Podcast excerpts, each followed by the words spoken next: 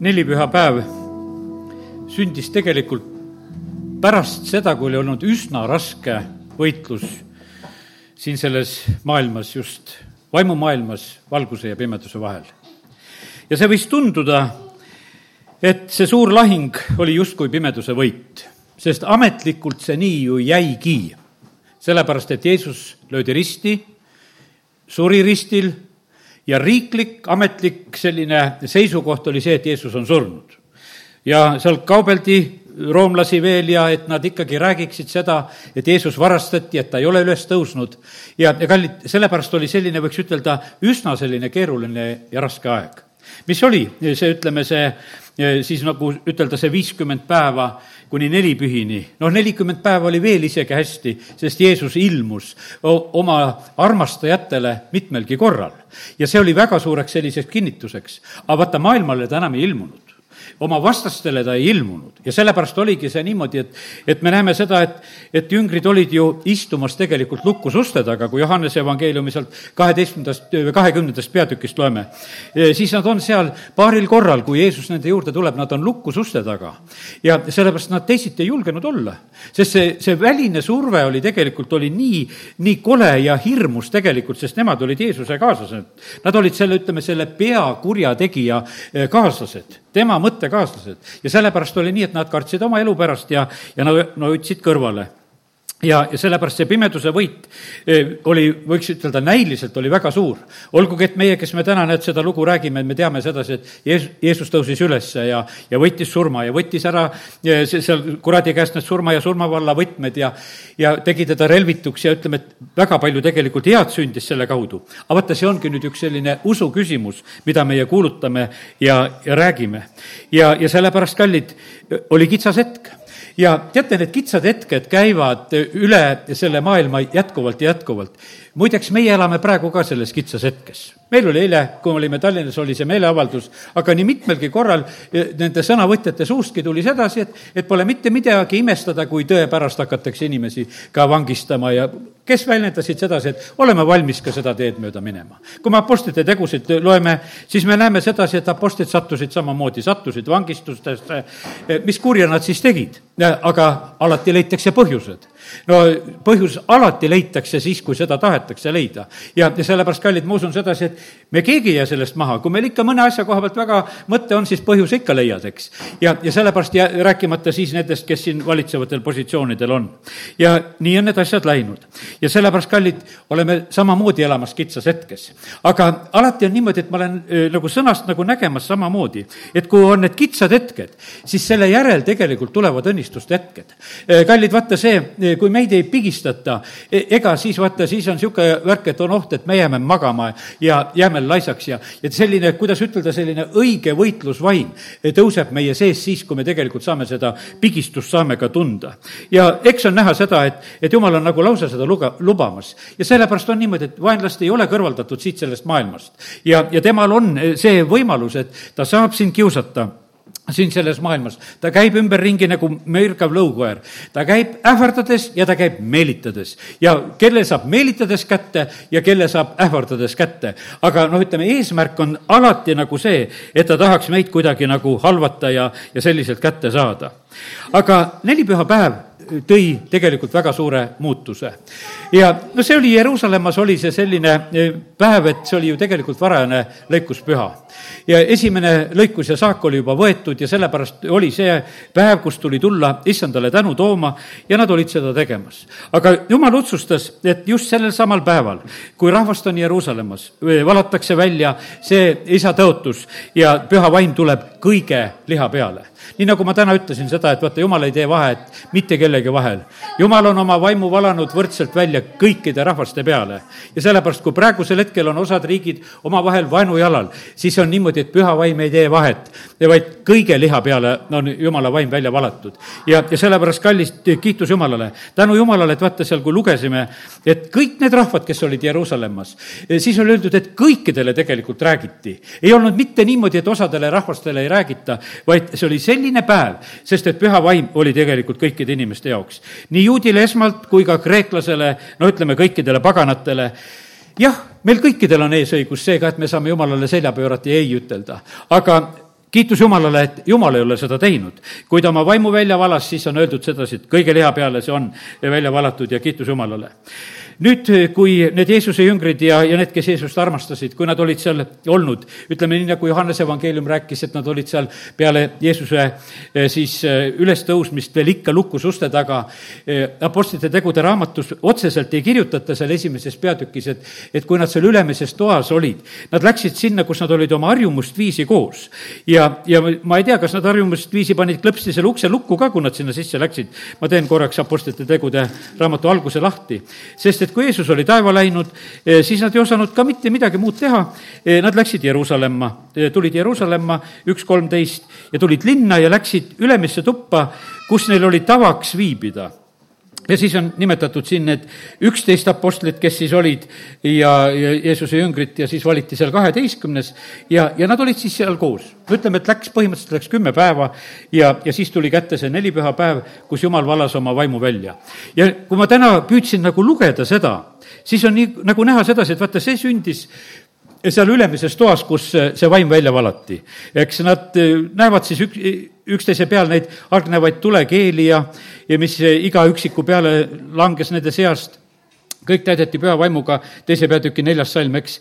ja, ja siis on räägitud, et on see hääl ja siis on räägitud, et rahvas tuli kokku. noh, ütleme, et eh, mul on kogu aeg nagu selline pilt olnud sedasi, et, et noh, et kui see eh, hääl, noh, ütleme, et, et kui nad said täis püha vaimu, nad justkui läksid välja, aga see, see toimus kuidagi nii sujuvalt, et siin nagu sellest otseselt nagu aru ei saagi. kaks viis. Jeruusalemmas oli aga elamas juute ja vagaseid mehi kõigi rahvaste keskelt, kes taeva all. kui see hääl nüüd kostis, tuli kokku nende kogukond ja kõiki valdas hämmastus, sest igaüks kuulis räägitavat oma keelemurret. ja kallid, sellepärast on see nii, et ma usun sedasi, kui jumala kodadest kostab hääl siis inimesed tulevad selle juurde. ja, ja siis me ei saagi nagu aru, et kes kelle juurde läks sellepärast, et vaata, see lihtsalt liidab kokku, sest ühtäkki oli tegelikult, olid niimoodi, et apostlid olid eh, selle rahva keskel, kes olid Jeruusalemmas. jah, nad olid nagu ülemises toas, jah, nad olid justkui omaette, nii nagu meie täna oleme sedasi. aga ma usun sedasi, kui jumal oma vaimu välja valab, siis me ei ole lihtsalt siin kuidagi niimoodi omaette. et see, see liitumine tekib lihtsalt niimoodi, et, et katsu seda pärast ära seletada, et, et eh, kes siis kelle juurde läks. aga me järgmisel hetkel näeme seda, et, et eh, kõik saavad aru, kõik kuulevad, kõik on jutlust kuulanud kuulamas ja, ja on need inimesed, kellede südametes see jutlus eriliselt läbi lähevad, läheb, kes parandavad meelt ja, ja pöörduvad issanda poole, lasevad ristida ja, ja, ja sünnivad sellised eh, ilusad asjad just sellel päeval aga kiitus Jumalale. nii nagu ütlesin sedasi, et me oleme kitsal hetkel nagu sellises võib-olla teatud mõttes, mis on meie riigis üldiselt valitsemas. üks teine kitsas hetk on, mis on praegu, on see, et, et on lihtsalt kuiv. juba pikemat aega on kuiv. eile ka, kui lihtsalt sõitsime, vaatasime põldusid noh, mõnda põldu vaatasin, mõtlesin, et kuule, kas siin üldse midagi külvatud ja võib-olla osad ongi jäetud sööti, et ei olegi külvatud, on täitsa tühjad. mõned põllud olid niimoodi, et oli näha, et kus on natukene madalam, niiskem koht, et seal on see oras tõusnud, teises kohas ei ole ta tõusnud. niisugused lapilised põllud olid, mis jäid ka silma ette. ja, ja praeguse prognoosi järgi ei ole eriti nagu näha. siin vahepeal näidati, et kuskil kuusteist millimeetrit tuleb ühel päeval, aga ära korjatud, niisugused väiksed, väiksed udud on jälle nagu asemele pandud. ja, ja kallid, me oleme, oleme kitsal hetkel, see on tegelikult tegelikult väga kitsas hetk, eh, kui, eh, kui jumal meie maad ei kasta. jah, võib-olla oma kasvuhoonet ja oma peenramaad ja, ja midagi sa suudad praegusel hetkel turgutada, et sa ise kastada teed. aga suuri põldusid ja, ja metsasid me seda, see, seda teha ju ei suuda. ja, ja sellepärast, kallid, see on samamoodi selline kitsas hetk, millesse me oleme jõudnud. ja, ja sellepärast, kallid, ja ma usun sedasi, et vaata, nendest asjadest me saame vahest nagu kuidagi teistmoodi aru, eh, nendest kitsastest hetkedest. teate, need kitsad hetked, mis jõuavad rahvale, mida vahest teeb ka, ütleme, Vaaro.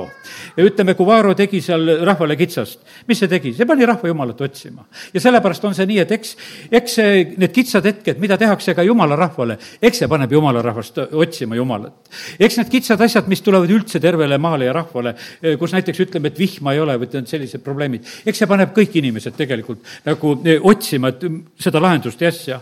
Eh, me teame seda näiteks, et, et Taaveti aegset lugu, ma teen lahti siin korraks eh, teise Saamuli kahekümne esimese eh, peatüki, kus on räägitud sellest, et eh, Taaveti ajal oli kolmel aastal oli, oli selline nälg ja, ja siis, kui kolm aastat oli nälg olnud, siis nad hakkavad nagu noh, otsima seda, seda põhjust, et mis lahti on.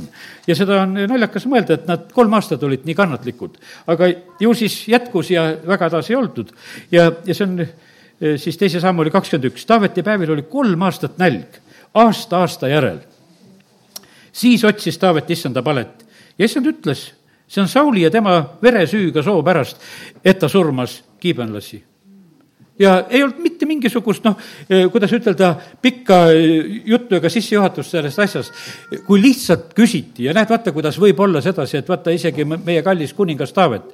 no miks sa kolm aastat ootad sedasi, et küsid, et kus see lahendus on? et su riigi rahvas elab sellises olukorras ja, ja me nagu noh, lepime, et ikka ootame, et võib-olla läheb paremaks, tead. ja lõpuks oli ikkagi küsimus.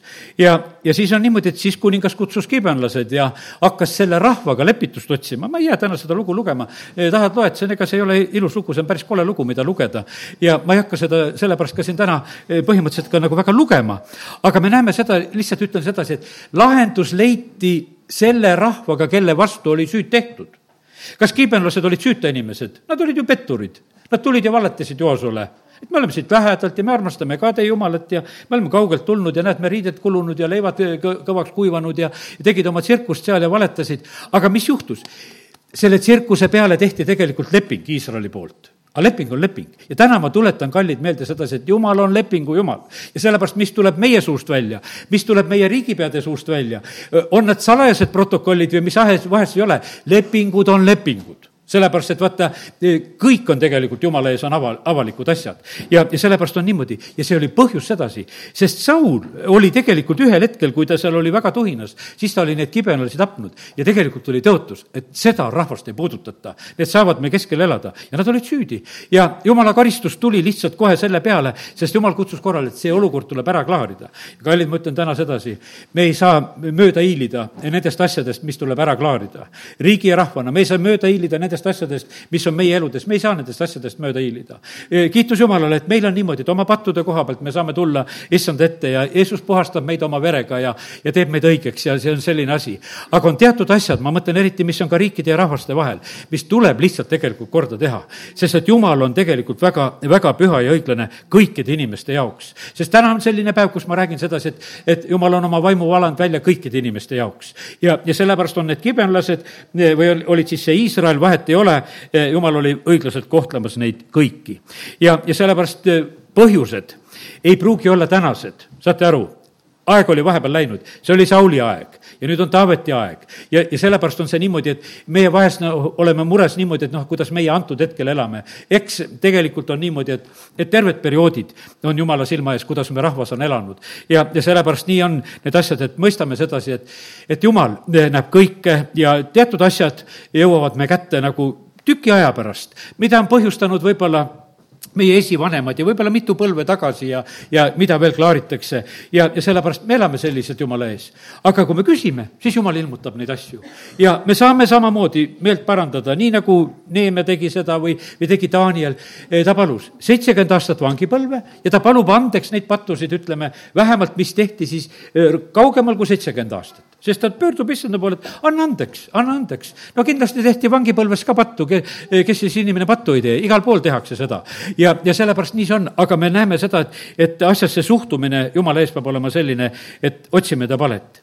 no võtan siiski, kui juba selle kitsa olukorra juurde läksin, mis on seotud nagu ka sellega, et vihma ei ole, ma teen lahti ka veel esimese kuningate raamat, raamatu kaheksanda peatüki. ja seal on Salomoni õpetus tegelikult, kui ta on templi pühitsemisel, et erinevad asjad, et mida tuleks teha. Esimese kuningate kaheksa kolmkümmend viis, kui taevas on suletud ja vihma ei ole, sellepärast nad on sinu vastu pattu teinud. seal ei ole üldse mingit keerulist juttu ja saate aru, no ütleme, et kui vihma ei ole, siis lööd jumala sõna lahti sedasi, siis ei öelda mitte midagi muud, öeldakse, et kui taevas on suletud ja, ja ja vihma ei ole, siis sellepärast, et on sinu vastu pattu teinud. aga nad palvetavad selle paiga poole, no tempel oli ehitatud ja jumala asupaik oli rahva keskel sellel hetkel sellisel moel, ja kiidavad sinu nime ja sellepärast, kallid, see, mida me tegime, et me jumalat kiitsime, see on väga suur asi, me palvetame, me kiidame su nime, pöörduvad patust ka seda ei tohi tegemata jätta, sest osad lahutavad nagu sedasi, et kuule, et no hea küll, et palvetage, et vihma tuleks. no vihma on vaja, et andke vihma. ei, see ei ole. jumalat tuleb kiita lisaks sellele. Kes su käest küsib vihma? ütled, hakka jumalat kiitma ja pöördu patust et lihtsalt ütles, et see on tore küll, et sa annad mulle selle palvesoovi üle. et, et palu, palun, et sulle vihma tuleks, tead, eks. tead, jumal võib anda tõesti niimoodi, et ühele põllule tuleb ja teisele ei tule, saame sõnast lugeda ka. ja ma usun seda, kui ma seda teemat natuke puudutasin, siis mul juba abikaasa ütles, et hakkame paluma, et jumala rahvas hakkaks vihma saama. aga kallid, see on juhis meile ka. E, kiida issandat, e, pöördu patust, palveta ja, ja, ja kui siis on niimoodi, et ja teate, mis on öeldud? sellepärast, et sa neid oled alandanud. kallid, see on alandamine tegelikult. alandamine on see. teate, kui me tuleme kokku ja ja meid on, noh, kuidas ütelda, suurel hulgal ja asjad lähevad võimsad, no meil on võimas tunne on olla. kui vahest jumal lubab sedasi, et, et kõike on nagu kuidagi nagu vähe, siis see on tegelikult väga hea eeldus. vaata, mis on issand ütelnud sedasi, et kus kaks ja kolm on minu nimel koos, siis ma olen nende keskel. ega kui kaks ja kolm on koos siis ei ole niisugune suurejooneline koosolek, et halleluuja, et me oleme siin koos sedasi, see ei ole väga see, siis öeldakse üsna alandlikult, et issand on tõotanud, kus kaks ja kolm, et ta on seal ka keskel, tead. Need väikseid koosolekuid küll nähtud, kus sellega vabandatakse asi ära, et meid tühjagi ei ole, tead, eks. ja hakatakse, aga teate, hakatakse väga alandlikult pihta ja issand ongi meie keskel ja, ja see, see on tegelikult väga võimas. aga see, vaata, issand tahab tegelikult, mis ta tahab meie elus, ta tahab meid kõiki alandada. ja, ja siis kuule sina taevast, anna andeks eh, oma sulaste ja Iisraeli rahva patt. Ja, sest sina õpetad neile head teed, mida nad peavad käima ja anna vihma oma maale, mille sa oled andnud päris osaks oma rahvale. ja noh, seal edasi tulevad veel need viljakõrvetused ja näljad ja asjad ja kõik, millest on juttu. E, ei jää ka sinna praegusel hetkel roh-, rohkem rääkima, aga kallid, need asjad tuleb lahendada Jumala ees. ja need on sügavamalt lahendatavad asjad, mitte lihtsalt niimoodi, et, et tegime klõpsti oma kuskil oma palvesoovi, et noh, nüüd on sellega asi korras. kallid, nende sademete juures ikkagi veel ühe hetke täna peatan, sest et eks vaata, püha vaimu räägitakse sageli ka, et saada see vihm meile taevast ja, ja sellepärast eh, täna eh, vaatame ka lihtsalt veel näiteks Hiopi raamatust. minule selline väga armas koht, Hiopi kolmekümne seitsmes peatükk. ja, ja, ja siin on selline eh, väga ilus selgitus selle koha pealt, mis toimub. Hiopi kolmkümmend seitse ja hakkan viiendast salmist. loeme pisut kohe pikemalt, saame ilusat pilti. jumal müristab oma häälega imepärasel viisil. ta teeb suuri tegusid, mida meie ei mõista sest ta ütleb lumele, lange maa peale ja vihmasabin ning vihmavaling on tema tugevus. või noh, ütleme, et venekeelne tõlge ütleb, et kas väike või, või tugev vihm on tema selline väljendus ja tugevus. et äh, mõlemat, mõlemat jumal teeb ta paneb siis iga mehe käe kinni otse kui pitseriga, et kõik inimesed tunneksid ta tegu. siis läheb metsloom oma peidupaika ja jääb oma pessa. lõunakambrist tuleb tuulispea põhjatuulega külm, jumala hinguses tekib jää ja tardub veepind. ta koormab ka pilvi niiskusega ja pilved pilluvad tema välku, need rändavad ringi tema juhtimisel, et teha kõike, mida ta neil käsib, maailmas ja maa peal. olgu vitsana, kui maale tarvis, olgu armuna, kui ta seda otsustab. ja kallid, ma ütlen, et vaata, see on Hiopi raamatu see osa, kus Elihu hakkas rääkima see on täiesti issanda sõna. ja sellepärast on niimoodi, et need paigad, kus praegusel hetkel seda vihma on tulnud niimoodi, et noh, ütleme, uputab ja uhub kõik ära, noh, seal lihtsalt on niimoodi, et mitte kuivaga ei lähe see vili nässu, vaid lihtsalt põllud ujuvad ära ja, ja lihtsalt taimed tulevad välja ju selle eh, suure sellise veevooluga. ja, ja, ja sellepärast ja jumal otsustab, millal on vits ja millal on arm. ja, ja sellepärast kiitus Jumalale. kuule seda, Hiop, ja peatu ja pane tähele Jumala imetegusid. ja kas sa mõistad, kuidas Jumal annab neile käsku ja laseb oma pilvedest välgu sähvida? ja, ja sellepärast on see nii, et vaata, ma usun sedasi, et vaata meie, kes me no jumala sõna armastame, me tuleme, loeme ja otsime ja tead ja, ja leiame teatud asju, aga osadele peab äh, jumal rääkima väga tegelikult selle loodu kaudu. selle kaudu tuleb rääkida, sellepärast et vaata, äh, nagu Rooma kirjas alguses on räägitud, et, et loomise algusest saadik tegelikult on näha Jumalat, kui seda tähele pannakse ka kõige selle kaudu, eh, mis on just ka siin ümberringi selles maailmas eh, ka, ka toimumas. nii et kiitus Jumalale, et, et see kitsas koht tegelikult on ületatav. aga, aga vaata, nüüd ongi niimoodi, et eh, kas me lahendame seda kitsaskohta sellisel moel? noh, ütleme, et meie täna võime siin üksteisele üleskutset teha ja, ja katsume mitte ära unustada, teeme ise seda. katsume kibenlastega ka asjad ära lahendada. katsume kibenlastega ka asjad ära lahendada, sellepärast ma ütlen rahvastega tuleb asju lahendada. nõupidamised on tegelikult tähtsad asjad ja, ja sellepärast on see niimoodi, et neid asju tuleb, tegelikult tuleb teha. ja, ja nüüd on, Taavet leidis kohe sedasi, et, et need teised rahvaesindajad tuleb kohe kutsuda, kuningas kutsub enda juurde, et, et niimoodi saab asjad korda ei katkestata diplomaatilisi suhteid, vaid luuakse ja, ja lahendatakse hoopis asjad ära. ja, ja, ja sellepärast, kallid, ja siis tulevad tegelikult lahendused. ja vaata, ja siis on öeldud sedasi, ja kui see oli tehtud, siis jumal kuulis selle maarahva palvet. E, kui me seal, noh, olime selles e, teise sammuli kahekümne esimeses, ma lähen korraks sinna ikka tagasi, see on ka nii ilus näha, e, kuidas, kuidas need asjad nagu lõpevad. ja no nii ma loen siit neliteist salm sellest kahekümne esimesest peatükist veel. siis nad matsid Sauli ja tema poja Joonatani luud Benjamini maale Seelasse ja tema isa Kiisi hauda. Nad tegid kõik, mida kuningas käskis. ja pärast seda võttis Jumal kuulda maa palveid. pärast seda võttis Jumal kuulda ja sellepärast, kallid, nii see on, et jumal paneb väga asju tegelikult tähele ja vaata, me tahame vahest, et väga eh, kergesti, et jumal kuuleks palveid ja vastaks palvetele. nüüd eh, selliselt lihtsamalt kokku võttes, Jeesus ütleb välja selle Johannese evangeeliumi kuueteistkümnendas peatükis üheksandas salmis, on issanda sõnad meile, et meie suurim patt on see, et me ei usu issandasse. kuusteist üheksa, patu kohta püha vaim toob selguse, et nad ei usu minusse, et nad ei usu päästjasse, et nad ei usu, et Jeesuses on lahendus inimesed ei usu seda, et Jeesuses on lahendus ja, ja tõesti see nõnda on, Jeesus on meie päästja. kui me õpiksime ära kõik issanda nimed ja mõistaksime sedasi üldse, et, et mida kõike on, ütleme, võimalik Jumala käest saada, milleks ta on valmis, ta on valmis meid õpetama, ta on valmis meile olema teeks, ta on meie lunastaja, ta on ostnud meid. noh, ütleme, et ta on, ta on meie arst, ta on meie ravija. no ütleme, et tegelikult on meil issandas kõik, mida me vajame. ja, aga püha vaim tuletab meelde, et te ei hooli sellest asjast, te lahendate teisel viisil neid asju. no kiitus Jumalale, et eilsel päeval, kui olime seal Toompeal olime, siis ikka palveid oli mitu korda, oli meie isa palve ja mitu korda palvet ja Varro enda need palved, mida ta iga päev palub ja vähemalt tore oli see, et me palvetasime seal koos. ja, ja sellepärast, et see oli Jumala poole pöördumine nii mitmegi eh, ka poliitiku poolt, kes seal siis eilsel päeval olid. ja sellepärast kiitus Jumalale, et, et eh, lihtsalt see oli see väljendab usku issandasse, sellepärast et muidu me tahaksime võib-olla oma tarkuses kõik asjad ära lahendada, aga kallid, ei saa me siin selles maailmas ilma. sest vaata, jumal sekkub kõrgemalt ja nii kaua, kuni me hakkame tegelikult päriselt teda, teda otsima. nii et ärme teeme seda suurimat pattu, et me issandat ei usalda, sest ta pole kunagi tegelikult ju meid alt vedanud. kuidas me saaksime, no ütleme, tema koha pealt mingisugust eh, kahtlust üldse väljendada, et kuule, et jumal ei ole hea aga teate, eh, kurvastusega peame ütlema, et on neid inimesi, kes on jumala peale kibestunud.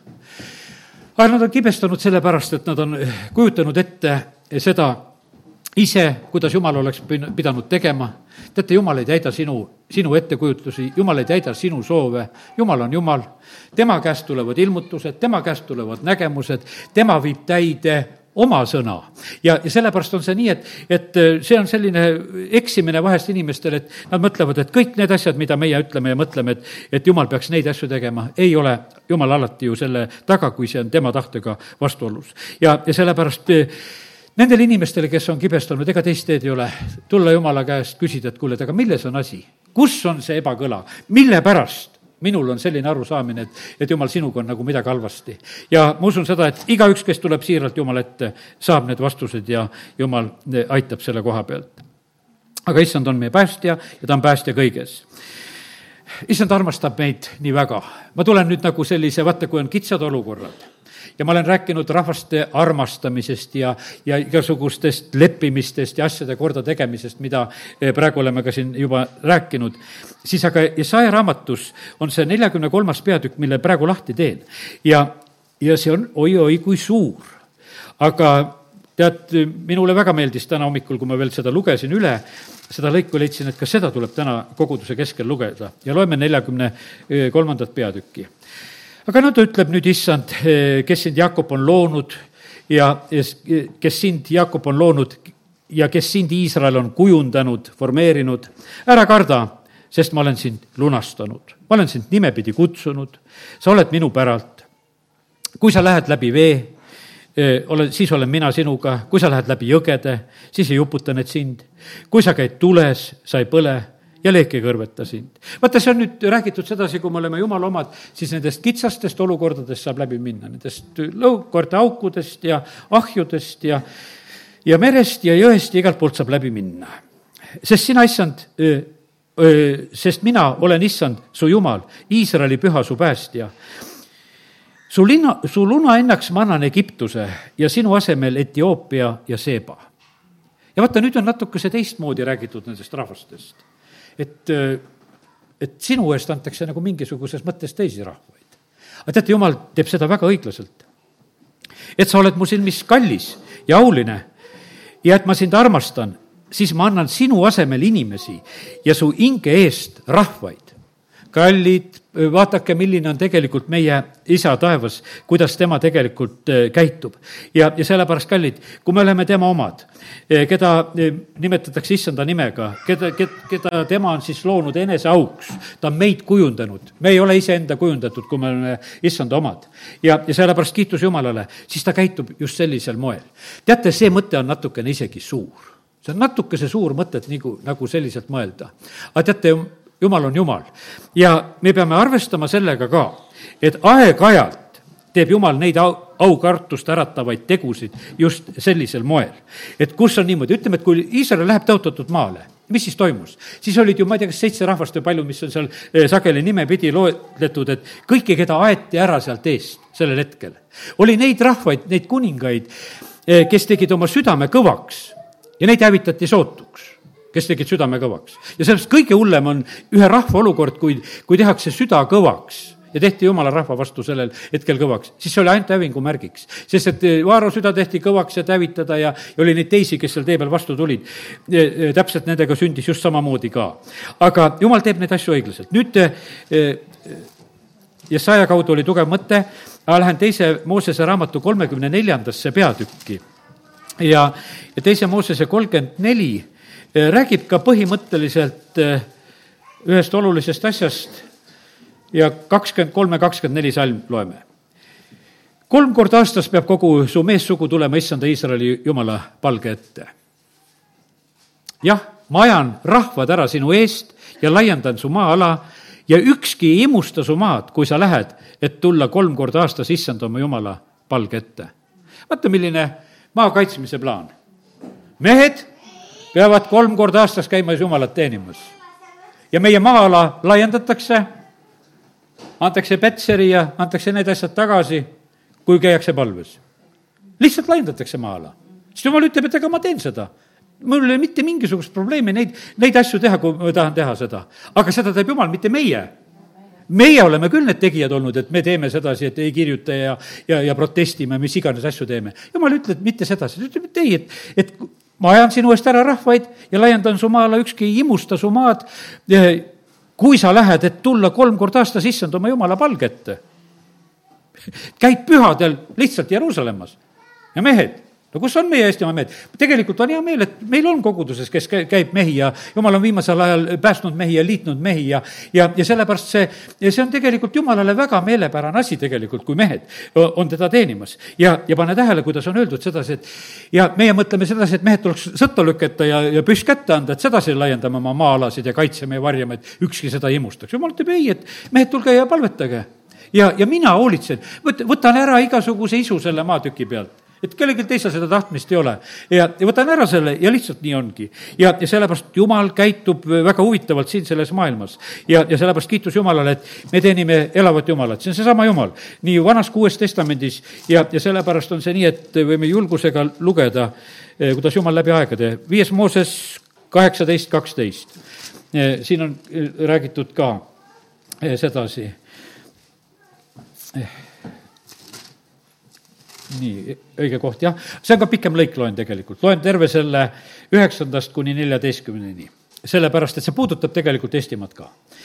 no ütleme, et olime eile Tallinnas siis oli täpselt samamoodi, et kui olime seal Toompeal palvetamas ära käinud ja oma meelt avaldamas, ütleme sellises mõttes, siis mingisugune plakat oli seal kuskil mu ees, et mingid loitsud ja värgid ja noh, üks meie helilooja mingit värki seal teeb ja, ja no lihtsalt jääb silma, et noh, ja järgmine hetk kuskil juba loitsuvad seal, tead, eks. aga need ei ole jumala poole, need on ebajumalate poole, need loitsud ja, ja, ja sellepärast oli kohe no niimoodi, et sealsamas kõik on nagu, see supp on nagu koos.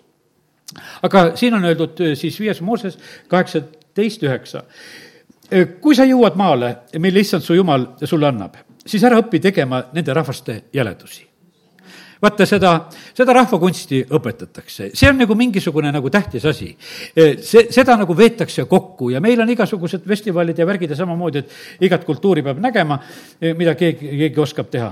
aga siin on öeldud, ärgu leidugu su keskel kedagi, kes laseb oma poega ja tütart tulest läbi käia, ei ennustajat, ei pilvest lausujat, ei, ega märkide seletajat ega nõida, ei manajat, ei vaimude ega tarkade küsitlejat ega surnutelt nõu otsijat, sest igaüks, kes seda teeb, on issandale jäle ja nende jäleduste pärast ajab issand su jumal nad ära e, sinu eest.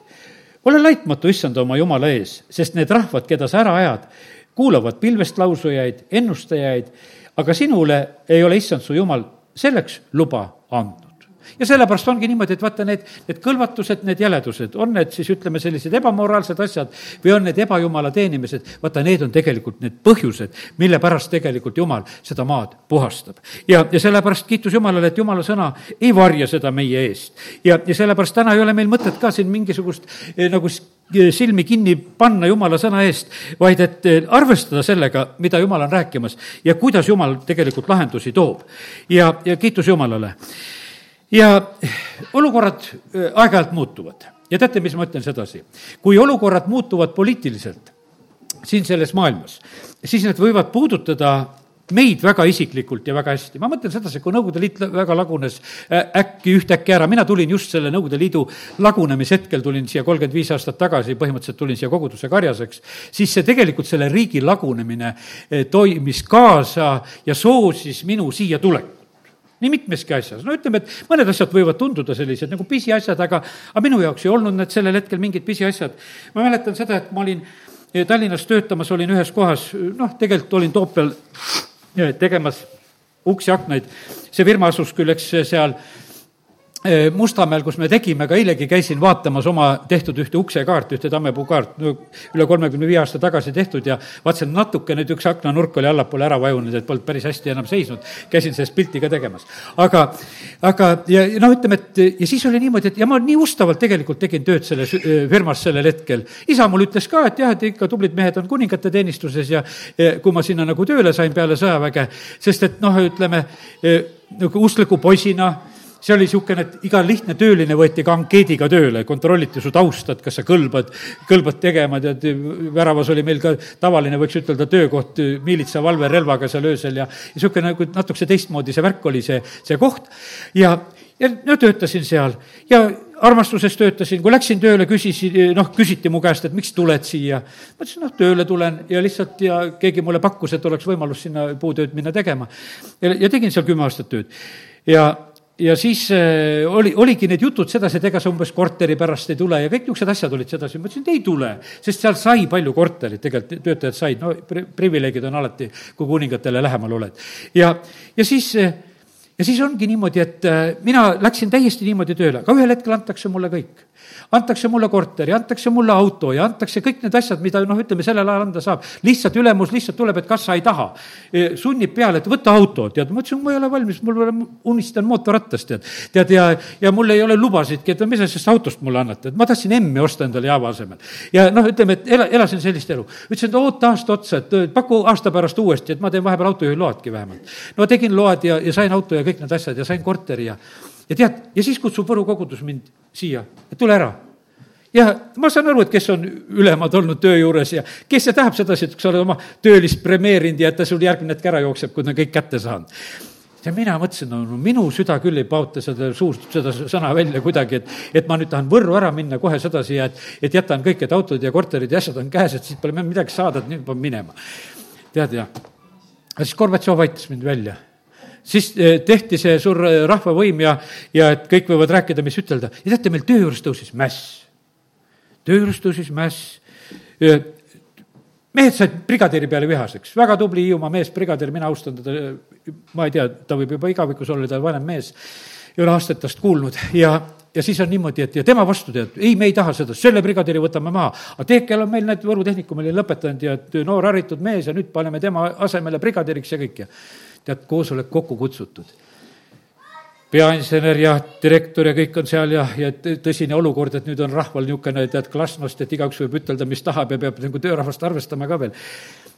vaatavad mulle otsa, ma ütlesin, ei, et mina küll ei tahaks selleks brigaderiks saada, et ma tahaks üldse Võrru ära minna, tead. tead, teate, milline kergendus oli see mu dek-, direktorile, ta tahtis selle vana brigaderiga edasi elada ja jätki elama. ja siis mina mõtlesin, no kiitus Jumalale, et sina korraldad riikide pöördeid, igasugu asju, aga sa lahendad minu asju ühtlasi selle asjaga. ja sellepärast, kallid, ma ütlen sedasi, et me ei pea kartma igasugu muutusi ja pöördeid ja asju, mis tulevad. Pärsia eh, riik tuleb sellel hetkel, eh, kui seda Peltsassaart seal eh, ka kaalutakse ja leitakse kerge olevat. ja, ja lihtsalt tehakse riigipööre, mille pärast? sest pilkab Jumalat joob nendest templipeekritest seal ja ei austa Jumalat, võetakse, vahetatakse võim ära. kallid võimud vahetatakse sellepärast ära, et Jumalat ei austata, mitte millegi muu pärast. see vahest tundub sedasi, et nagu rahvas, rahvas selle asja tegi, tead. tead, ei austanud Nõukogude Liit ja need rahvad ja riigid ei püsi ja hukkuvad, kes tegelikult Jumalat ei teeni, ütleb Jumala sõna. ja sellepärast siin ei ole mitte mingisugust kahtlust. ja sellepärast Eesti rahvas, kui tahame püsida ja tahame riigina püsida, meil on ainukene võimalus on tegelikult, et Jumala teenides, sest et Jumal on ütelnud välja sedasi, et teisiti need asjad ei püsi ja täna olen need juba meelde tuletanud, meil on üle kolmesaja aasta on see sõna on olemas. ja sellepärast on niimoodi, et me ei saa ütelda sedasi, et meil seda ei ole. eile mu käest keegi küsib, et miks sa see, miks sa eile ei hoia piiblit seal üleval, tead. ma ütlesin, polnud käsku, tead, sellel korral seda mul hoida, sest aastad tagasi ma seisin selle piibliga seal. ja, ja sellepärast, aga kallid, aga ikka armastan seda piiblit küll ja küll ja sellepärast, kallid, ma ütlen, et jumal teeb väga suuri asju ja tead, ja osad asjad, kui jumal su elus lahendab, siis ta teeb seda nii aukartust äratavalt, kõiki asju ma ei taha alati meeldegi tuletada, sest niisugune suur aukartus tuleb peale. aga täna, kui ma olen selle peale mõelnud, siis, siis ma nagu leian sedasi, et aga jumal teeb edaspidigi niimoodi. ja sellepärast ma täna julgustan sedasi, et ära karda inimesi, olgu su südames jumala kartus, sest inimesi on siin selles maailmas on väga palju. ja, ja kelle meele järgi sa siis valid ennast olema? isegi kui me täna siin saalis ringi vaatame, noh, kelle meele järgi siis me hakkame olema? kallid, mitte kellegi muu meele järgi ei pea olema, kui jumala meele järgi pead olema. sa ei pea olema Toivo meele järgi, sa ei pea olema mitte kellegi meele järgi ei pea olema, sest et see on juba inimeste eest pugemine, kui sa seda, kui sa seda hakkad tegelikult tegema. ja, ja sellepärast, kallid, me ei tohi, me ei tohi nagu nendes, nendes asjades absa, absoluutselt nagu eksida. ja ma teen nüüd ühe ilusa koha lahti, mida meie armas vend Paulus kirjutab Ehesuse kirja neljandas peatükis ja, ja, ja loeme sealt tema tema selget juttu ja, ja seal on räägitud, et seda kõike on üks. ja ma loen, ma loen jälle peatüki algusest, siis on täitsa ilus pilt sellest. mina, kes olen vang Kristuse pärast. panete tähele, jumala rahva katsumised, põhjused ikka leitakse. kutsun teid üles elama selle kutsumise vääriliselt, millega te olete kutsutud kogu alandlikkuse ja tasadusega, pika meelega, üksteist sallides armastuses, ning olles usinad rahusideme kaudu pidama vaimu antud ühtsust, ühtsus peab olema vaimu läbi, siis on öeldud, on üks ihu, Kristusel on üks ihu ja sellepärast on niimoodi, et kõik jumala rahvas on selles ühes Kristuse ihus, kes me oleme jumala omad. ja sellepärast seal ei pea olema sõda, et üks sõdib teise vastu. üks vaim jumal ühe püha vaimu andis me kõikide jaoks. nagu te olete ka kutsutud üheks lootuseks oma kutsumise poolest. üks issand, üks usk, üks ristimine, üks Jumal, kõikide isa, kes on kõikide üle, kõikide läbi ja kõikide sees. aga näed, aeg-ajalt see on nii, et et tõusevad üles need olukorrad ja asjad, kus ka Kristuse ihus kogudused tõusevad üksteise vastu, ütlevad, üks pole õige, teine pole õige, sõdivad kallid, ei tasu meil kakelda, kui me palvetama läheme, see on vale asi täiesti sedasi. sellepärast on nii, et tule alandlikkuses issand ette, küll ta siis kuuleb su palveid ja, ja vasta, vastab su, su palvetele. ja sellepärast kiitus Jumalale, et see Pauluse selline üksmeele õhutus on selline alandlik see ei ole mitte mingisugune ülbe eh, asi, ta oli kõva mees ennem, aga issanda juures sai ta selleks ilusa, ilusaks meheks. Ja kallid, nii on, et, et kitsad olukorrad, mis võivad meid tabada, nendest on väljapääs, on see, kui me tuleme tegelikult issanda juurde, usaldame teda. Siis ta teeb seda kas riigipööretega, siis ta teeb seda kas maa värisemistega, et vangid saavad vabaks, kui nad lihtsalt kiidavad ja austavad Jumalat, no vahet ei ole, millised meetodid Jumal tarvitab. see, see absoluutselt, lükkab mere lahti või, või jõe eest ära, ta, ta lahendab neid asju. Ja, ja, ja kiitus Jumalale selle eest, et meil on selline eh, Jumal ja kui me teda, teda armastame, siis me ei pea mitte kedagi teist kartma tegelikult ja kui teda austame. ja nii, et äh, usalda Jumalat kitsal tunnil, mitte inimesi, sellepärast et vahest on nagu kiusatus, et inimesed on kuidagi lähemal. vaata, Taaveti elust võtan veel ühe sellise raske olukorra. vaata, Taaveti elus oli see rahva loendamise lugu ja ja, ja ega see ei olegi nii lihtne mõista, sest noh, niisugune ma ei olegi nagu väga sellesse kunagi nagu läinudki, et pole vist küsinud, et jumal, miks see nii suur patt oli, et ta neid rahvast luges noh, mõned niisugused lihtsad seletused, mis võib-olla kõrvalt olen kuulnud, on sellised, et no ma mäletan, et üks vend ütles, et kuskil seal teisel maal, et et nad tegid, noh, koguduses oli rahvast palju, ärkamine, tulid palvegrupid, siis hakkas üks hirmus arvepidamine et kui palju igas arve, palvegrupis on ka rahvast ja värki. siis lõppes kõik ära, tead, kui lugema kukuti kangesti, kui see rahvaloendus pihta hakkas, siis enam polnudki varsti enam midagi lugeda, tead. aga vaata, see loendus läheb juba nagu enda uhkuseks, et vaata, kus meil on kõik, mida me suutsime kõik kokku lugeda, tead. ja, ja see, see võib olla teatud laadi selline asi, sest et vaata, kui sa enda mõttega loed oma jõudu kokku, siis see võib issandat väga, väga kurvastada. aga näed, Taaveti elus oli seal, see on teise sammu oli täitsa lõpp, kahekümne neljas peatükk, ja ja vaata, kuidas siis Taavet asja lahendab ja sellepärast on niimoodi, et on kitsas olukord, ma tulen täna tagasi ikkagi, et meil on kitsas olukord eh, poliitilises mõttes, meil on kitsas olukord eh, praegu vihma mõttes, meil on kitsad olukorrad praegusel hetkel. aga kuidas asja lahendada? ja, ja õpime Taavetist, ta kitsas olukorras. ja kolmeteistkümnendast salmist, kahekümne neljandast peatükist, teisest saamulist loen. Eh, Gaad, noh, jumala mees tuli Taaveti juurde ja kuulutas, seda ning ütles temale. kas peaks su maale tulema seitsmeks aastaks nälg või kolm kuud põgeneda oma vaenlase eest, kes sind taga ajavad, või peaks su maal olema kolm päeva katk? mõtle nüüd järele ja vaata ja ma vastan temale, kes mind läkitas noh, siin kahekümne esimeses peatükis oli see kolm aastat nälg oli juba siin kibernlaste pärast. ja nüüd öeldakse sedasi, et kuule, et me pakume sulle seitsme aasta varianti. et seitse aastat teeme nüüd nälga, et, et üks kolme aasta katses oli ära, aga nüüd pakutakse seda ja see oli Taavetile ainukesed pakkumised, teisi variante ei ole. Taavet ütles Kaadile, mul on väga kitsas käes. langegem siiski issanda kätte, sest tema alastus on suur. aga inimeste kätte ma ei tahaks langeda.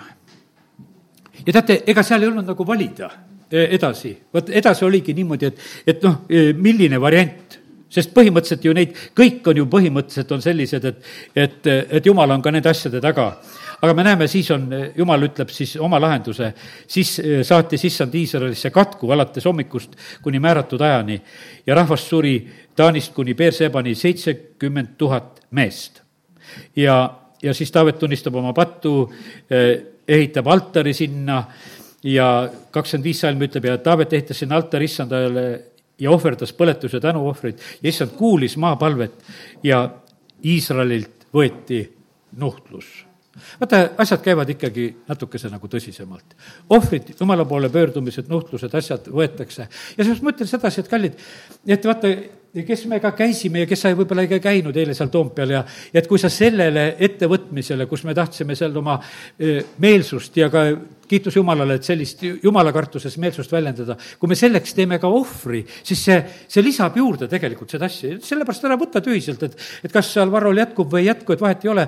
tead, tee seda ohvrit nagu Jumala ees, et Jumal, ma tahan lihtsalt teha seda ka, et meie maal, mina tahan altarit ehitada, ega sa iga kord ei saa minna Toompeale altarit tegema, tead, ära aetakse sind, kui sa sinna oma altarikest lähed tegema. aga eile oli see tehtud eile oli see tehtud ja sellepärast on see niimoodi, et, et meie saame nagu olla eh, nagu selles asjas lihtsalt ka eh, kõige paremas mõttes kaasas. ja vaata, jumal kuuleb ja vastab kallid, nii ta on, et eh, abi tuleb Jumala käest. täna nelipühapäeval ütleme korduvalt sedasi, et ootame püha vaimu Jumala käest. tuleb oodata, mitte ennem tegutseda. vaata, seal olidki nii, et et Jeesus ütleb oma jüngritele, et teate, ootate ja saate pühavaimu väe ja siis te olete minu tunnistajad. no ma ei tea, siis on niimoodi, et nagu ma sellest lukusustest rääkisin, aga nad olid selles, kuidas ütelda, selles ülemises toas. Kas nad olid lukku keeranud või ei olnud, aga ma sain täna nagu sellise ilusa mõtte veel sedasi, et vaata, salajasse kambri minnes, Mattiuse kuus kuus on küll öeldud, kui sa sinna lähed, siis lukusta uks ma ei mõtle sedasi, et sa nüüd lähed kindlasti, et sa pead oma ust lukustama, et nagu sellises mõttes, aga sellises vaimulikus mõttes, mis ma täna veel sain. lukusta uks nende mõtete jaoks, mis tahavad sulle sinna kaasa tulla lukust uks nende jaoks. sest et meil tahaksid mõtted kaasa tulla. aga vaata, meil ei ole sageli niimoodi, lähed, hakkad palvetama, tead, vaatad mobiili või vaatad seda ja mõtled värki ja, ja te, tegeled igasuguste asjadega, eks. aga on öeldud sedasi, lukusta, lukusta uks, et sinna muu kaasa ei tuleks. ja et lukusta uks selle jaoks ka, et, et sa ei mõtleks, nagu sa oled harjunud. ja, ja, ja et sa ei mõtleks nagu selle maailmameelsuse viisil. ja, ja et sa ei mõtleks nendele eh, keelitustele, meelitustele ega hirmutustele. vaata, kui sa lähed salajasse kambrisse, siis ära võta kaasa meelitusi, mida maailm meelitab. ära võta kaasa hirmutusi, mida maailm on hirmutanud, sest me võime nagu noh, neid minna väga sinna kaaluma. lukustaks, me paneme need kõrvale, et ma tahan kuulda, Jumal, mida sina praegusel hetkel räägid. ja, ja sellepärast on nii, et, et issandal on kõrgemad mõtted, nagu Jesaja viiskümmend viis räägib meile, tema teed on kõrgemad, tema mõtted on kõrgemad. Ja sellest, mis ma siin rääkisin, et siis võivad tulla sinu elu lahendused niimoodi, et on riigipöörded ja, ja valitsuste vahetused ja ühtlasi lahenevad sinu asjad ja värgid ja, ja sa ei oska seda arvatagi, et niimoodi saab, et, et, et kuningaid võetakse maha ja riikisid pööratakse ja, ja hoopis olukordasid muudetakse. ja et seda vahest tehakse ka siis just eh, ka meie pärast, et meie võiksime eh, olla õnnistatud. Ja sellepärast kiitus Jumalale, et jumal on see, kes tegelikult neid asju nii teeb. ja eh, sest, et issand on selles salajases paigas meile teed rajamas, meile teed näitamas. Eh, tema teeb kõrbesse tee ja, ja tühjale maale teeb jõed, ta teeb olematust oleva ja, ja sellepärast, kallid, meie jumala rahvana peame elama jumala juhtimisel, püha vaim juhib oma lapsi, eh, kogudust, aga me võime ka riikide ja rahvastena tegelikult elada selles. ütlen sedasi, et osad kitsad hetked, tulen veel kord tagasi nagu selle juurde, et eh, on märtreid, nagu oli Stefanus ja Jakobus ja näed, on kitsas hetk ja, ja võib tunduda sedasi, et kuule, väga noh, ütleme kurb, et niimoodi lõppes, aga kui jälle mõtled Stefanuse lõppu, kui ilus ja auline, mis on meile ka kirjutatud sellest asjast. aga kui Peetrus oli vangis, see Apostlite teod kaksteist, siis see kaksteist kümme räägib sedasi, et vaata, see, see uks avanes iseenesest automaatselt. vaata siin selles maailmas, see on üks viimane mõte, millega hakkan otsi kokku tõmbama ka, on see, et, et kui Peetrus äratati, kui ta magas seal e, ja nad läbisid siis esimese ja teise vahi ja, ja juba inglid teda viisid teda välja sealt ja tulid linna viiva raudvärava ette, siis see avanes neile iseenesest. noh, see on kreeka keeles on räägitud just, et automaatselt avanes. ja ja nad väljusid ja läksid siis edasi ühte tänavat pidi. kogudus oli sellel hetkel raskel hetkel. Nad olid ju lukus uste taga palvetamas seal see roode tuli ukse peale, kui Peetrus seal koputab ja, ja ei tee ust lahti, jookseb lihtsalt, kuule, Peetrus on ukse taga ja no ütleme, et on selline moment. aga kallid, ma täna ütlen sedasi, et midagi toimub siin selles maailmas automaatselt vaata, nende jumala seadused on, mis on toimimas. maa kannab vilja äh, automaatselt, see on see Markuse neli äh,, kahe äh,, neli kakskümmend kaheksa, kus Jeesus räägib, et maa kannab vilja. aga teate, mis maa veel välja teeb? maa sülitab oma elanikud välja kõlvatuste pärast automaatselt, kolmas Mooses kaheksateist, kakskümmend viis kuni kakskümmend kaheksa, ei hakka seda kohta ka lihtsalt ütlema. aga osad asjad toimivad tegelikult nii kindlalt siin selles maailmas. ja, ja kui me pöördume Jumala poole, kui mu rahvas rahvas alandab ennast, pöördub, siis ma tervendan nende maa siis see automaatika hakkab töötama, võiks ütelda, õnnistuse viisil. ja, ja sellepärast kiitus Jumalale, et eh, issand on nii tegelikult eh, noh, ütleme seda tegemas. jumal õnnistab õigete pärast, õiged oleme Kristuse pärast. Eh, sellepärast, et ei, ei me muidu poleks keegi siin õiged. ja, ja sellepärast kiitus Jumala, et issand on patuste sõber, et ta tuli patuseid päästma, et ta tuli ülekohtuste eest seisma. aga vaata, see oli niimoodi, et kes teda vastu võtsid, kes teda usaldasid. ja, ja see ongi selline, selline parim, mis me tegelikult oma, omada saame ja, ja sellepärast kiitus Jumalale. tahan uskuda, et see kitsas hetk, mis on aastal kakskümmend kolm meie käes, on tegelikult, et, et me varsti saame näha sedasi, et, et Jumalal on, kuhu oma vaimu välja valada, sest et vaata, kes hakkavad ootama, aga nende peale ta valabki. amin. tõuseme. halleluuja. isa, ma tänan, et sina annad oma sõna ja ma tänan sind, Jumal, et sa oled tahtnud julgustada. tänu sulle, Jumal, et võin ise sellest sõnast süüa ja olen võinud jagada täna õdedele-vendadele, kellega oleme siin koos ja kes seda kuulevad.